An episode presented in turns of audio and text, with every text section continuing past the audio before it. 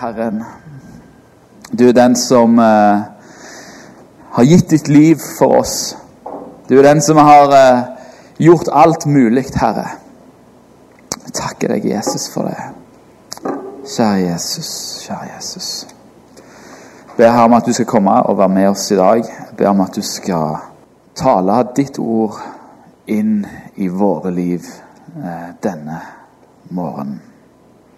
Amen. Det er godt eh, å se dere.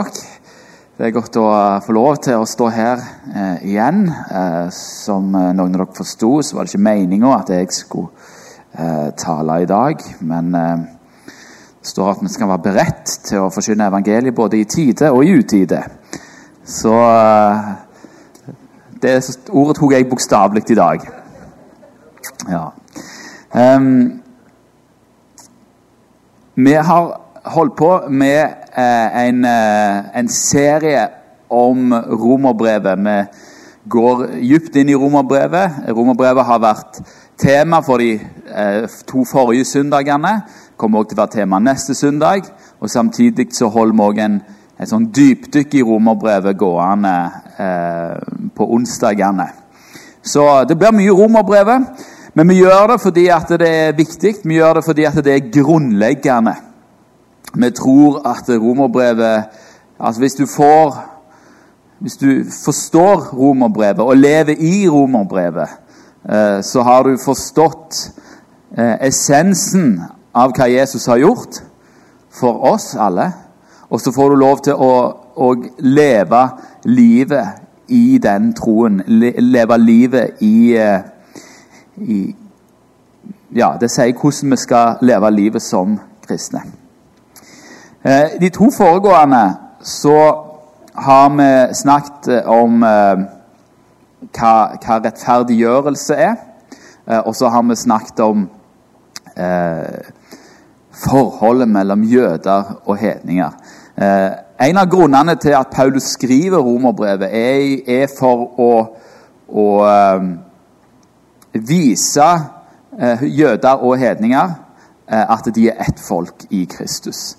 Eh, og det er det, var, det, det å få de to som var så forskjellige, til å bli ett, det var en vanskelig oppgave. For Her var det to vidt forskjellige kulturer, to vidt forskjellige måter å se verden på, som plutselig skulle forenes til ett. Mye vanskeligere enn at vi skulle gå overens. Eh, så Paulus skriver da romerbrevet for å vise hvordan man skal svare på de utfordringene. Dermed så bruker han de første kapitlene for å bare banke gjennom at det fins ingen annen vei til frelse enn gjennom Jesus Kristus. Eh, det fins eh, ingen annen vei til å være Guds folk enn gjennom Jesus Kristus. Alt du har lært i loven, det bare peker fram mot Jesus Kristus. Uh, og, det, det, det, har blitt til del for både jøder og hedninger. Um, det som um, Det som vi nå kommer inn i, fra Romerbrevet 12, som er det jeg skal snakke om i dag, det er da konsekvensen av rettferdiggjørelsen. Konsekvensen av rettferdiggjørelsen. Det er her på en måte Paulus kommer inn i det han egentlig vil si der han adresserer liksom konkrete ting eh, i, eh, i romermenigheten. Eh, og Hvis dere har lyst til å lese de tingene, så er det kapittel 12, 13, 14. Jeg skal ikke ta alt i detalj i dag, men jeg skal gå inn i noen sånne nøkkelvers. Men før det så må jeg på en måte oppsummere litt. For at det, det er et poeng i at Paulus først begynner med å redegjøre for rettferdiggjørelsen. Fra kapittel 12 og utover så sier han hvordan vi skal være mot hverandre. Men det som er viktig, da, det er å forstå at grunnen til at vi skal være sånn som vi skal være mot hverandre, det er på grunn av det Jesus har gjort. Når du er rettferdiggjort, dvs. Si når du er frikjent i domstolen du har fått fred med Gud. Du har fått barnekår hos Gud. Barnekår hos Gud, Det betyr at du, til, du har retten til å kalle Gud din far fordi han er din far. Når du har uh, gått fra å være en slave av synd til å bli fri fra synd og satt til tjener for rettferdigheten, da har du blitt innsatt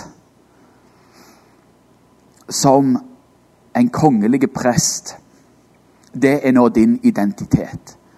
Vi lever jo i et samfunn der det veldig mye handler om vår identitet. Sånn har det jo alltid vært. Hva er min identitet? Og Det var jo det som var problemet òg blant jøder og, og, romere. De hadde sin identitet som de kom med. Sant? Sine forestillinger. Ja, jeg er jøde, og det betyr masse. Det betyr at jeg ikke er som deg, hedning. Husk at, det, husk at det er meg Gud har utvalgt. Og romerne de kom hjem. Vi er supermakten. Vi er Se på alt det vi har gjort, og alt det vi har fått til. Men Paulus sier 'vekk med alle de der forestillingene'. Det skal være én identitet, og det er Kristus. Og hva skjer da, hvis vi har én identitet, og det er Kristus? Hva skjer når vi er eh, Når vi har tatt imot rettferdiggjørelsen, tatt imot troen på Jesus Kristus. Det er utgangspunktet. Og Det er viktig å ha den rekkefølgen. Det er viktig at Paulus sier disse tingene først, før han snakker om hvordan vi skal oppføre oss mot hverandre. For, det er ikke, for, for Poenget er ikke at vi skal oppføre oss mot hverandre, så skal det gjøre oss rettferdige. Nei, vi har tatt imot noe som får konsekvenser for det livet vi lever. Og så handler det om å forstå hva vi har fått, sånn at vi kan gi det videre. Da skal vi se på forskjellige konsekvenser av rettferdiggjørelsen. Og Vi skal begynne med introduksjonen. Jeg formaner dette er Romerbrevet 12, vers 1-2. Jeg formaner dere altså, brødre, ved Guds miskunn, at dere fremstiller deres legemer som et levende og hellig offer til Guds behag. Dette er deres åndelige gudstjeneste. Og skikk dere ikke lik denne verden, men bli forvandlet ved at deres sinn fornyes, så dere kan dømme om hva som er Guds vilje, det gode, det som Han har behag i, det fullkomne. Dette er på en måte introen. Her lanserer Paulus det han skal snakke om i de neste kapitlene og neste versene. Utgangspunktet er jo at vi er rettferdiggjort. Og derfor, fordi vi har fått alt i Jesus Kristus, så skal vi ved Guds miskunn framstille våre legemer, altså framstille våre kropper, som et levende og hellig offer til Guds behag. Hva i all verden betyr det? Det er veldig sånn Dette virker veldig fremmed for oss. Um, et hellig offer. Et levende og hellig Framstille våre kropper som et levende og hellig offer. Hva betyr det? Jo, Paulus hadde har i de foregående kapitlene snakket om at vi når vi ble døpt til Kristus, så ble vi, så ble vi på mange måter død. Vi ble begravd med han i dåpen, så ble vi oppreist med han for et nytt liv. Det betyr at vi ikke lenger lever sjøl. Og vi lever heller ikke for oss sjøl. Så vi skal ta våre legemer, og så skal vi framstille det som et hellig offer. Dvs. Si, tilsidesatt offer til Guds behag. Det vil si at jeg lever ikke lenger mitt liv i meg sjøl og for meg sjøl. Men Jesus lever sitt liv gjennom meg. Det er det det betyr. Og hvordan ser det ut? Det er jo det som vi nå skal skal gå inn i. Men i essensen så kan vi si at um, Ja. Um, et, det å være et hellig offer, det, det er å si jeg er nå disponibel for Gud. Jeg setter Han først. Jeg går der Han sender meg. Jeg uh, gjør det Han sier jeg skal gjøre. Uh, jeg ser de han vil at jeg skal se. Jeg tjener de han vil jeg skal tjene.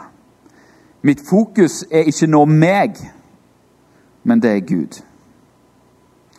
Og Så sier det da og skikk dere, skikk dere ikke lik denne verden, men bli forvandlet ved at deres sinn fornyes, så dere kan dømme om hva som er Guds vilje, det gode, det som Han har behag i, det fullkomne. Vi skal da ikke skikke oss lik denne verden. Og denne verden, hva vil, hva vil det si? Jo, det, hva er viktig i denne verden? I verden rundt oss?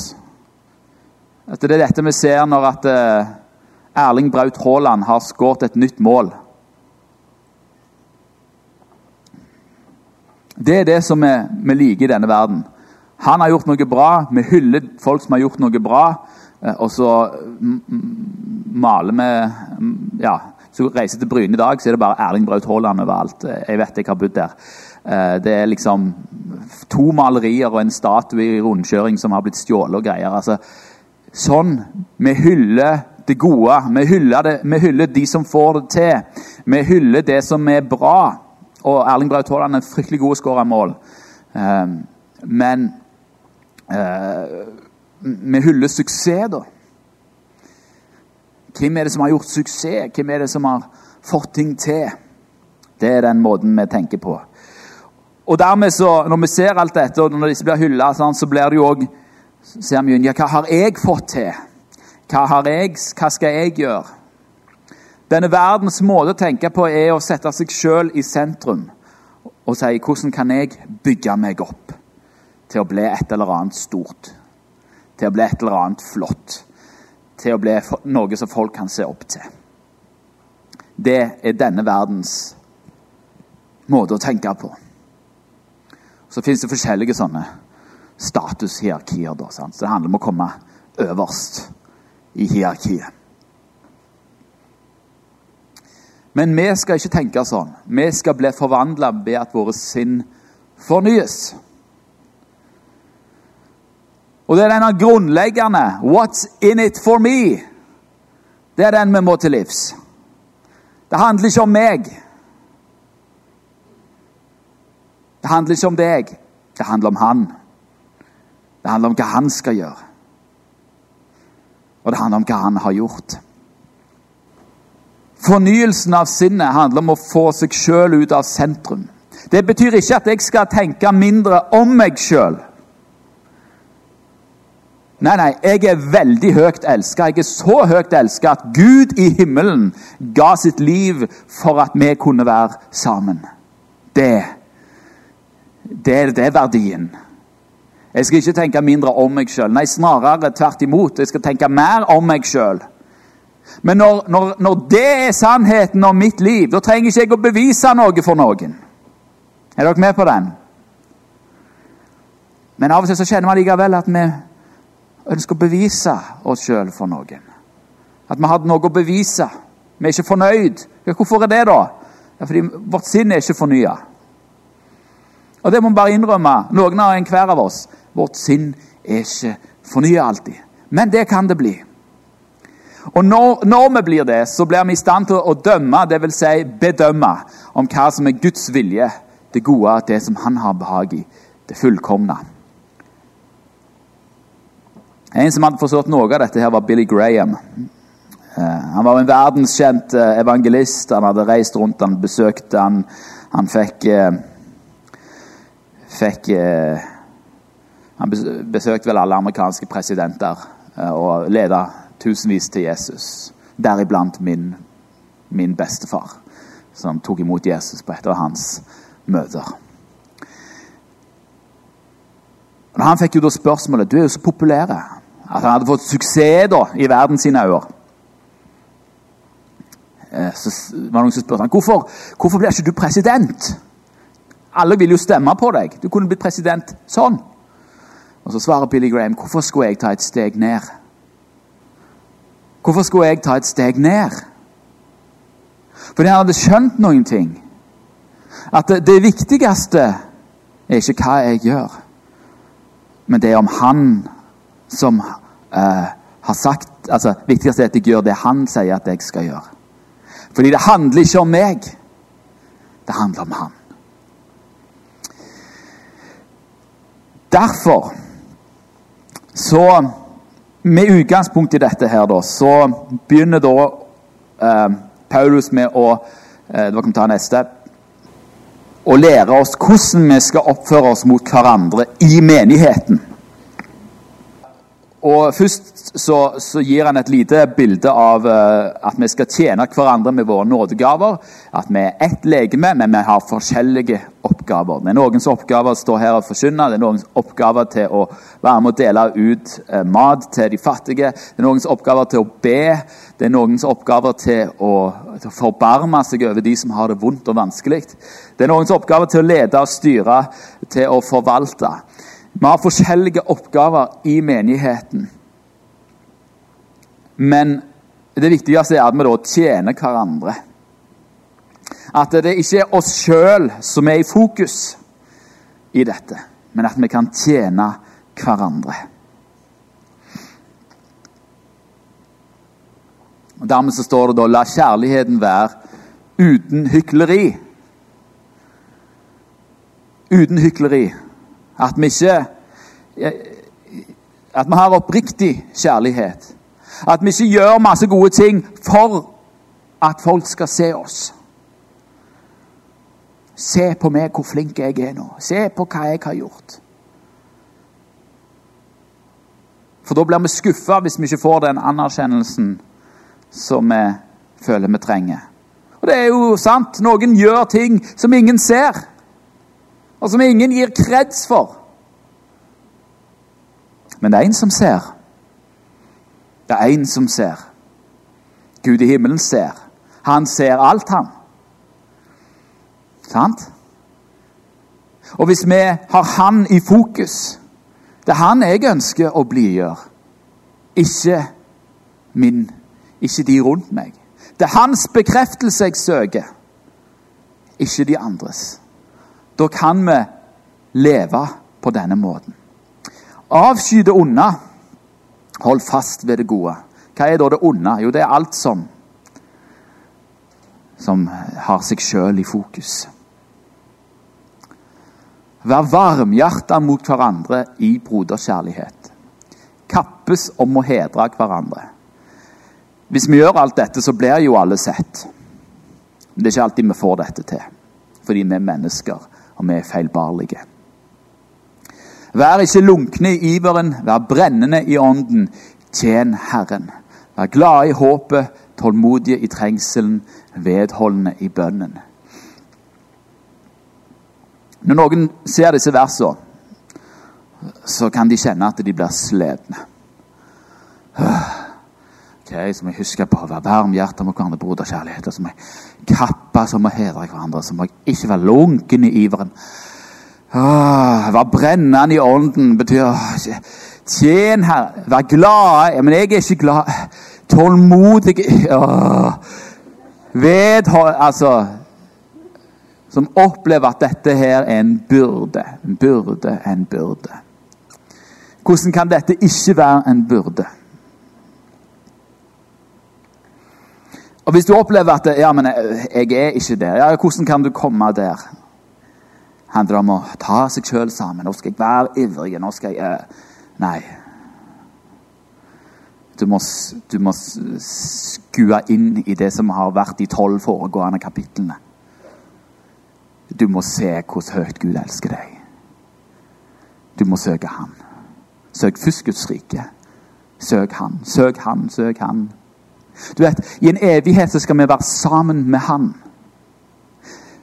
Poenget er ikke dette. Dette er konsekvenser. Dette er konsekvenser av et liv med Gud. Dette er konsekvenser av å ha skua inn og sett Jesus, du elsker meg. Jesus, du har dødd for meg. Jesus, du setter pris på meg. Jesus, du har bekrefta meg, og du har sett meg. Merker dere at det, altså, hva er dette her? Jo, dette her er jo overskudd. Ser dere det? Når kan jeg være klar til å hedre hverandre? Ja, når jeg har overskudd. Når kan jeg være ikke lunken? Ja, når jeg har overskudd. Når kan jeg være brennende i ånden? Ja, jeg må jo ha drivstoff til å være brennende i ånden. Når kan jeg være glad, tålmodig, vedholdende? Jo, stort sett når jeg har overskudd. Ja, hvor får jeg dette overskuddet? Hos Han som har alt overskudd. Hos Han som aldri går tom. Og Han som bare øser ut og øser ut og øser ut, for det er den Han er. Hvis du vil ha overskudd i ditt liv, følg deg med Jesus. Følg deg med Den hellige ånd. Det handler ikke om meg, det handler om Han. Og hvis vi er sånne som bare jeg bare søker Jesus, jeg søker å være i Han Og Av og til kan det òg være stress. Ja, men så hvil, da, og la Han komme til deg. Legg deg ned og si 'Herre, jeg eh, klarer ikke å søke deg, men du kan oppsøke meg. Kom.' Og så vil du oppleve Han kommer, for Han er trofast. Han er trofast. Og så kan vi bli sånne som elsker hverandre. Som bare har et overskudd til å gi fordi de har fått. Men du kan ikke gi videre det du ikke har fått. Og hvis du er tom her i dag, så skal du få lov til å få av Han som gir. Neste. Dette får konsekvenser i verden.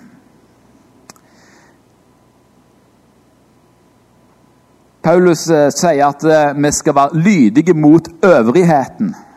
Lydige mot romerstaten. Kan du tenke deg hvordan dette må ha skreket i jødiske ører? Vi skal være lydige mot staten. Opprør og det å gjøre opprør, det er ikke Det er ikke Jesu sitt sinnelag. Man gjør ikke opprør. Man dør heller.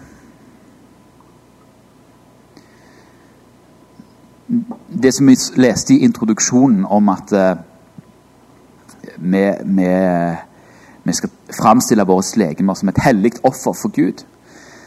Vet du hva det betyr? I sin ytterste konsekvens så betyr det at du vil bli ofra på samme måte som Jesus vil bli ofra. Det handler om å gjøre sitt liv tilgjengelig for Gud. Men det handler òg om en villighet til å legge livet sitt ned, om så er, for evangeliet. Og Dette var jo veldig reelt for de første kristne. De tok dette her bokstavelig. Ja, jeg blir ofra. Jeg legger meg sjøl på alteret som et velbehagelig offer for Gud. Sånn at Kristi offer kan bli synlig gjennom meg. Det er et mysterium i dette. At hver gang en, noen blir en martyr for Kristus, så dør Kristus på ny. Ser dere den? For vi, vi er jo i Kristus. Og så blir Kristi frelsesverk åpenbart for alle. Det var sånn de så på det. Det betyr jo at myndighetene kan jo sette deg i fengsel. Og da er det Hva skal vi gjøre da? Da skal vi takke Gud. Det var sånn apostlene gjorde. Takk Gud at vi er verdige til å bli satt i fengsel for navnets skyld. Så frem til det vi blir satt i fengsel for, og ikke for andre ting. For vi skal gi alle det dere skylder dem. Vi skal gi skatt til de som har krav på skatt. Toll til de som har rett til toll. Frykt til de som skal fryktes. Ære til dem som bør æres. Bli ingen noen skyldig annet enn det å elske hverandre. For den som elsker sin neste, har oppfylt loven. Og i vers 10.: Kjærligheten gjør ikke nesten noe ondt. Derfor er kjærligheten lovens oppfyllelse. Det er Romerbrevet 13 mener nå. Kjærligheten er lovens oppfyllelse. Det er på dette vi ser at, uh, at vi har uh, Ja, det, det, er på dette vi ser at vi, vi har vandret, eller at vi, vi, vandrer med Han og i Han, at vi elsker andre mennesker. Det, det, er, dette som, det er dette det synes på. Og om Kristus har fått forvandla vårt sinn. Det er om vi elsker andre mennesker. Det er liksom for, for, hvis jeg har fått tatt imot Guds kjærlighet, så kan jeg gi Guds kjærlighet. Men hvis jeg ikke har tatt imot det, så gir jeg det heller ikke. Og så skjer jo ikke dette her da, vi, vi gjør jo ikke dette her da fullkomment. Vi ønsker gjerne å bli fullkomne i kjærlighet. I hvert fall ønsker jeg det. Og alltid kunne elske.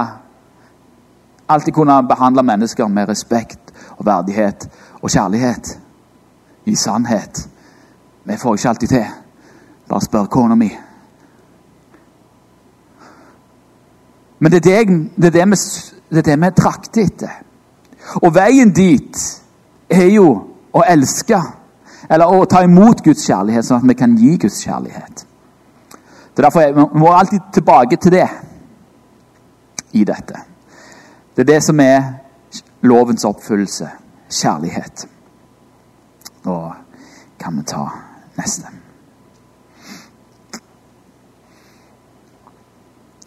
Romerbrev 14 er et av de mest undervurderte kapitlene i, i Bibelen og, og, i Romerbrevet. Det er et av mine favorittkapittel. Det er òg et av de vanskeligste kapitlene. Men anvendelsen til det kapittelet er, er så enormt at uh, Ja. Fytti hvor mye vi kunne spart oss for av krangler og diskusjoner og uenigheter opp igjennom hvis vi bare hadde lest Romerbrevet 14. Fremfor alt er dette en, en, eh, en tale til ledere. Men eh, det er sagt til alle, så det kan tas hver eh, Ja. Det er sagt til alle, så det kan godt ha en, ha en sånn Det har en allmenn applikasjon. Romerbrev 14.1 begynner med å ta dere av den som er svak i troen, uten å gjøre dere til dommere over hans tanker. Og hans tanker er da hans meninger. I romermenigheten så var det jo jøder, og så var det hedninger. Og jødene de hadde f.eks. store problemer med å spise svin. For det, var, det gikk liksom tvers imot alt de var opplært til. Dette var urent. Og så var det romere der som ikke hadde noen problemer med å spise noen ting. Hvordan skulle man da eh, forholde seg til hverandre? Så var det òg sånn at eh, romerne hadde vært vant til å gå til avgudstempler og spise ting som var ofra til avgudene.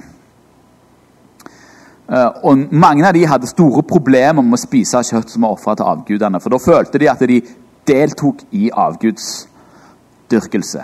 Det Paulus sier, at eh, kjøtt er kjøtt, og det er godt. Alle kan spise det hvis de tar imot det med takk fra Gud. Men, sier han, for noen av dere, eller for de av dere som er svake i troen, som da ikke har, har sett dette, som blir dømt i sin samvittighet pga. kultur eller pga. Uh, eh, forskjellige sånne ting, de skal ikke gjøre det. For hvis det ikke er gjort i tro, så er det synd. Hvis du føler at du synder, og at du krenker samvittigheten din hvis du spiser avguds kjøtt, så ikke gjør det. Og Så sier Paulus videre at eh, den som eter, skal ikke forakte den som ikke eter. Og den som ikke eter, skal ikke dømme den som eter. Eh, sånn Avgudsdyrkelse eller avgudskjøtt og sånne ting, det er ikke noe som vi har store problemer med her, kanskje. Men jeg skal gi et par eksempler som på en måte eh, ja, eh, illustrere dette her litt, da, så kan gjøre det appliserbart i vår kontekst. Hvis du har vært muslim og har blitt kristen, og du får servert halalkjøtt og kjenner at det vil ikke jeg spise lenger fordi at eh, det er, det er på en måte ofra til Eller innvidd til eh, til altså det, det er liksom innvidd under den muslimske trosbekjennelsen. Så tenker jeg at du skal få slippe. Da trenger du ikke å spise det. Jeg har ingen problemer med å spise halal-kjøtt, for det er kjøtt er kjøtt. Derimot det er noe som jeg har problemer med, det er å drikke alkohol. Det er helt tillatt innenfor visse rammer i Bibelen. Jesus gjorde det, de første kristne gjorde det. Kristne har faktisk gjort det i 2000 år. Men fordi jeg er svak i min samvittighet, og det har med min kulturelle eh, Det har med min kulturelle eh, bakgrunn. Det har med min eh, familiebakgrunn. Jeg, altså, min onkel er alkoholiker. Min, min morfar han, han drakk masse til han og levde et utsvevende liv helt til han møtte Jesus. og Da la han alt brakk. Men det viktigste for meg det har vært at det har ikke vært en del av min familiebakgrunn. Derfor har jeg ikke samvittighet. Fordi jeg, det, det, det slår imot meg i forhold til, til, til, min, til mine foreldre. Det, det, har noe med relasjonen der å gjøre. Så jeg, jeg er på en måte svak på det området. Hvis jeg drikker, så slår det mot samvittigheten min. Det slår imot hvordan jeg kjenner på ting. Og derfor så gjør jeg det ikke. Og så kan det være noen som forakter meg da for at jeg ja, ja, er du sånn, du er ser litt ned på meg fordi at jeg ikke drikker, da tenker jeg ja, det får de gjøre. Men ikke døm meg fordi at jeg ikke, ikke forakt meg fordi at jeg ikke drikker, selv om du tenker at du er fri. Og så er det min jobb, da, å ikke dømme den som drikker. For han tar imot det som Gud har gitt, og det er lov. Så lenge det skjer innenfor gode rammer. Men det er her at vi skal være på vakt. Ingen Vi bør ikke lenger dømme hverandre, men fell heller den dom at ingen må legge noen anstøtstein eller felle for sin bror. Det er her kjærligheten kommer inn. Vi skal vandre i kjærlighet. Hvis eh, noen er vegetarianere eh, og ikke på bibelsk grunnlag kjenner at de kan spise kjøtt. Det finnes noen som er sånn. Skal jeg da forakte dem for at de ikke spiser kjøtt? Nei. Når jeg inviterer de på middag, serverer jeg da kjøtt? Nei. Sant?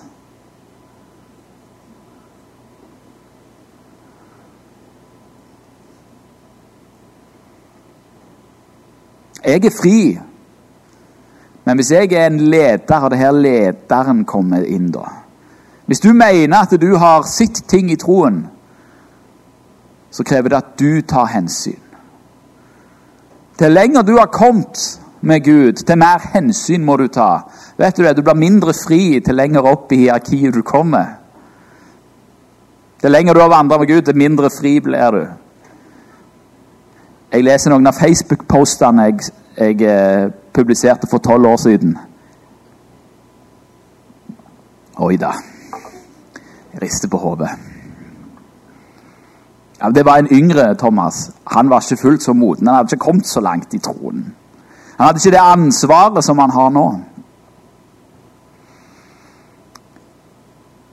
Hvis jeg skal være en leder, hvis jeg skal være hevde å ha kommet langt i troen, så må jeg ta dess mer hensyn. Og den som har kommet skikkelig langt i troen, han tar hensyn til alle. Han som har kommet lengst, han, han er alles trell. Og så må vi ikke gjøre høyere tanker om oss enn det som er greit, da. Det er ikke sikkert vi har kommet så langt, og da må vi bare innrømme det. Greit, vi har ikke kommet så langt. Men vi kan ha den innstillingen at Vet du hva, jeg jeg skal se på hva som er bra for deg, og ikke på hva som er bra for meg. Det handler ikke om For det handler ikke om meg. Det handler om han, og hva han har gjort. ikke legg en anstøtstegn eller ei felle for sin bror.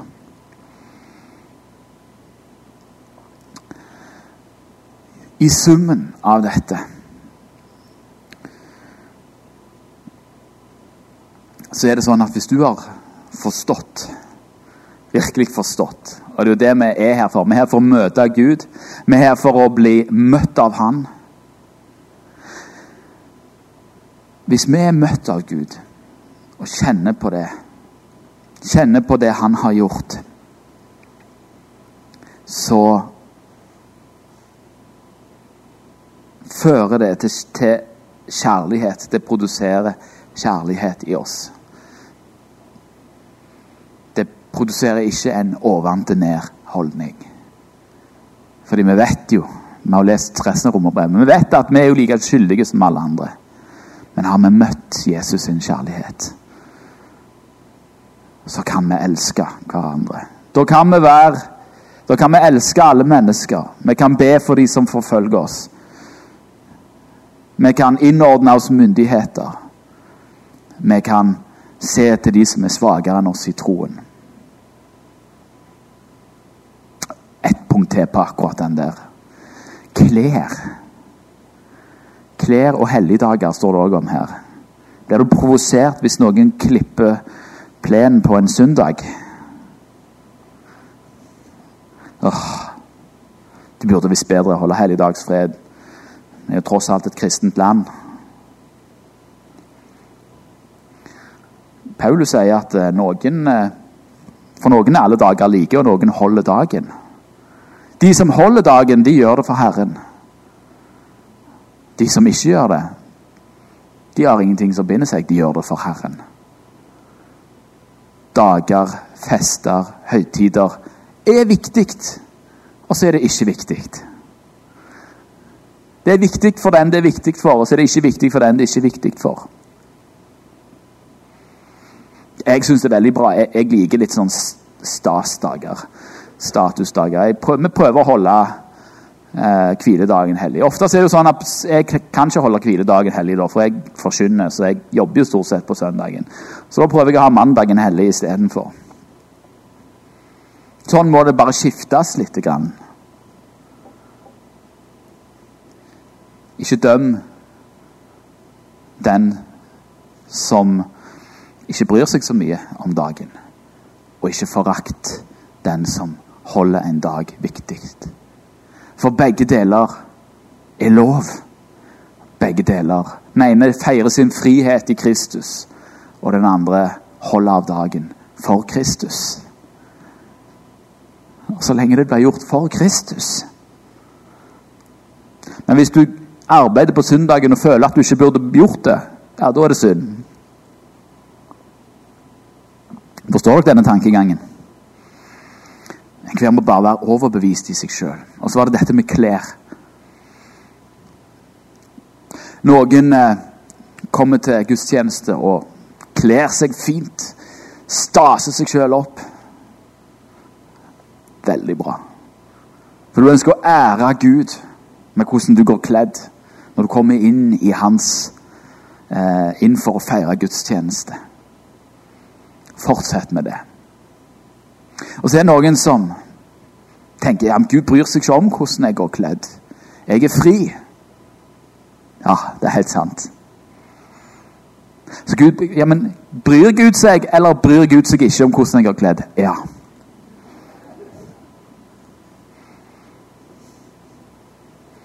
Eller nei. Ja, Gud bryr seg, og Gud bryr seg ikke. Det Gud bryr seg om, vet du hva det er? Det er at du har Han i fokus. Og hvis du har Han i fokus med å på en måte ta på deg det fineste du har fordi du har Han i fokus Fantastisk. Og hvis du feirer friheten i hvem, hvem han er, og at han ser til hjertet og ikke til det ytre så i dag så orker jeg ikke å ta på meg noen fine klær. Jeg bare kom sånn som jeg var. Så er det greit. Så har vi òg forskjellige forestillinger av hva som er fint, og det er greit. Er dere med? så er det vårt oppdrag da at den som går helt vanlig kledd på gudstjeneste, ikke ser bort på han som går fint kledd, og forakter han, tenker han hva han tror han er for noe. Og at den som går fint kledd, ikke dømmer den som går vanlig kledd og sier er du, vet, altså, Vi feirer gudstjeneste her, hvordan er det du går kledd? Har du ikke kommet lenger? Hva er det vi gjør da? Ja, Da vandrer vi ikke i kjærlighet. For da, da gjør vi noe som ikke er så viktig, til noe veldig sentralt. Og så kan vi, men, men det Gud kaller oss til, det er å være overbærende med hverandre.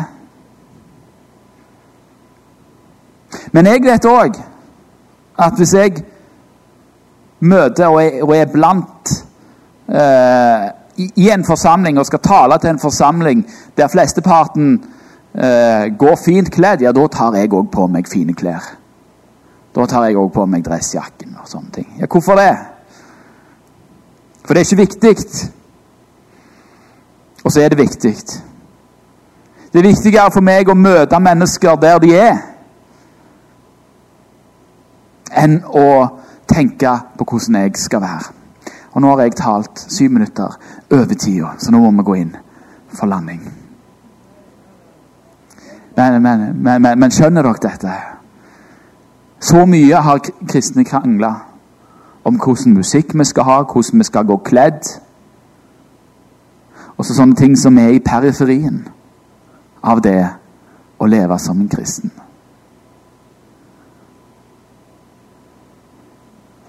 La oss feire at vi er forskjellige, men la oss òg feire at vi har én Herre.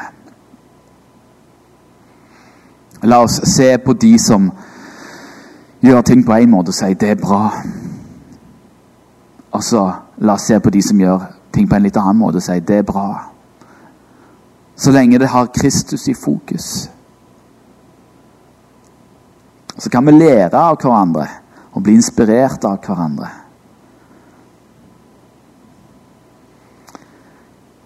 Det er anvendelsen. Det er konsekvensen av et liv med Gud. Jeg setter meg sjøl ut av ligningen. Jeg setter Jesus i sentrum. Og så lever jeg det livet han lever. Levde på jorda. Jesus møtte mange mennesker som ikke var helt eh, sånn som folk følte at de skulle være. Og han møtte dem med kjærlighet, omtanke og forståelse. Guds godhet driver deg til omvendelse. Jesus møtte meg, selv om jeg ikke fortjente det. Og Jesus har møtt deg, selv om du heller ikke fortjener det.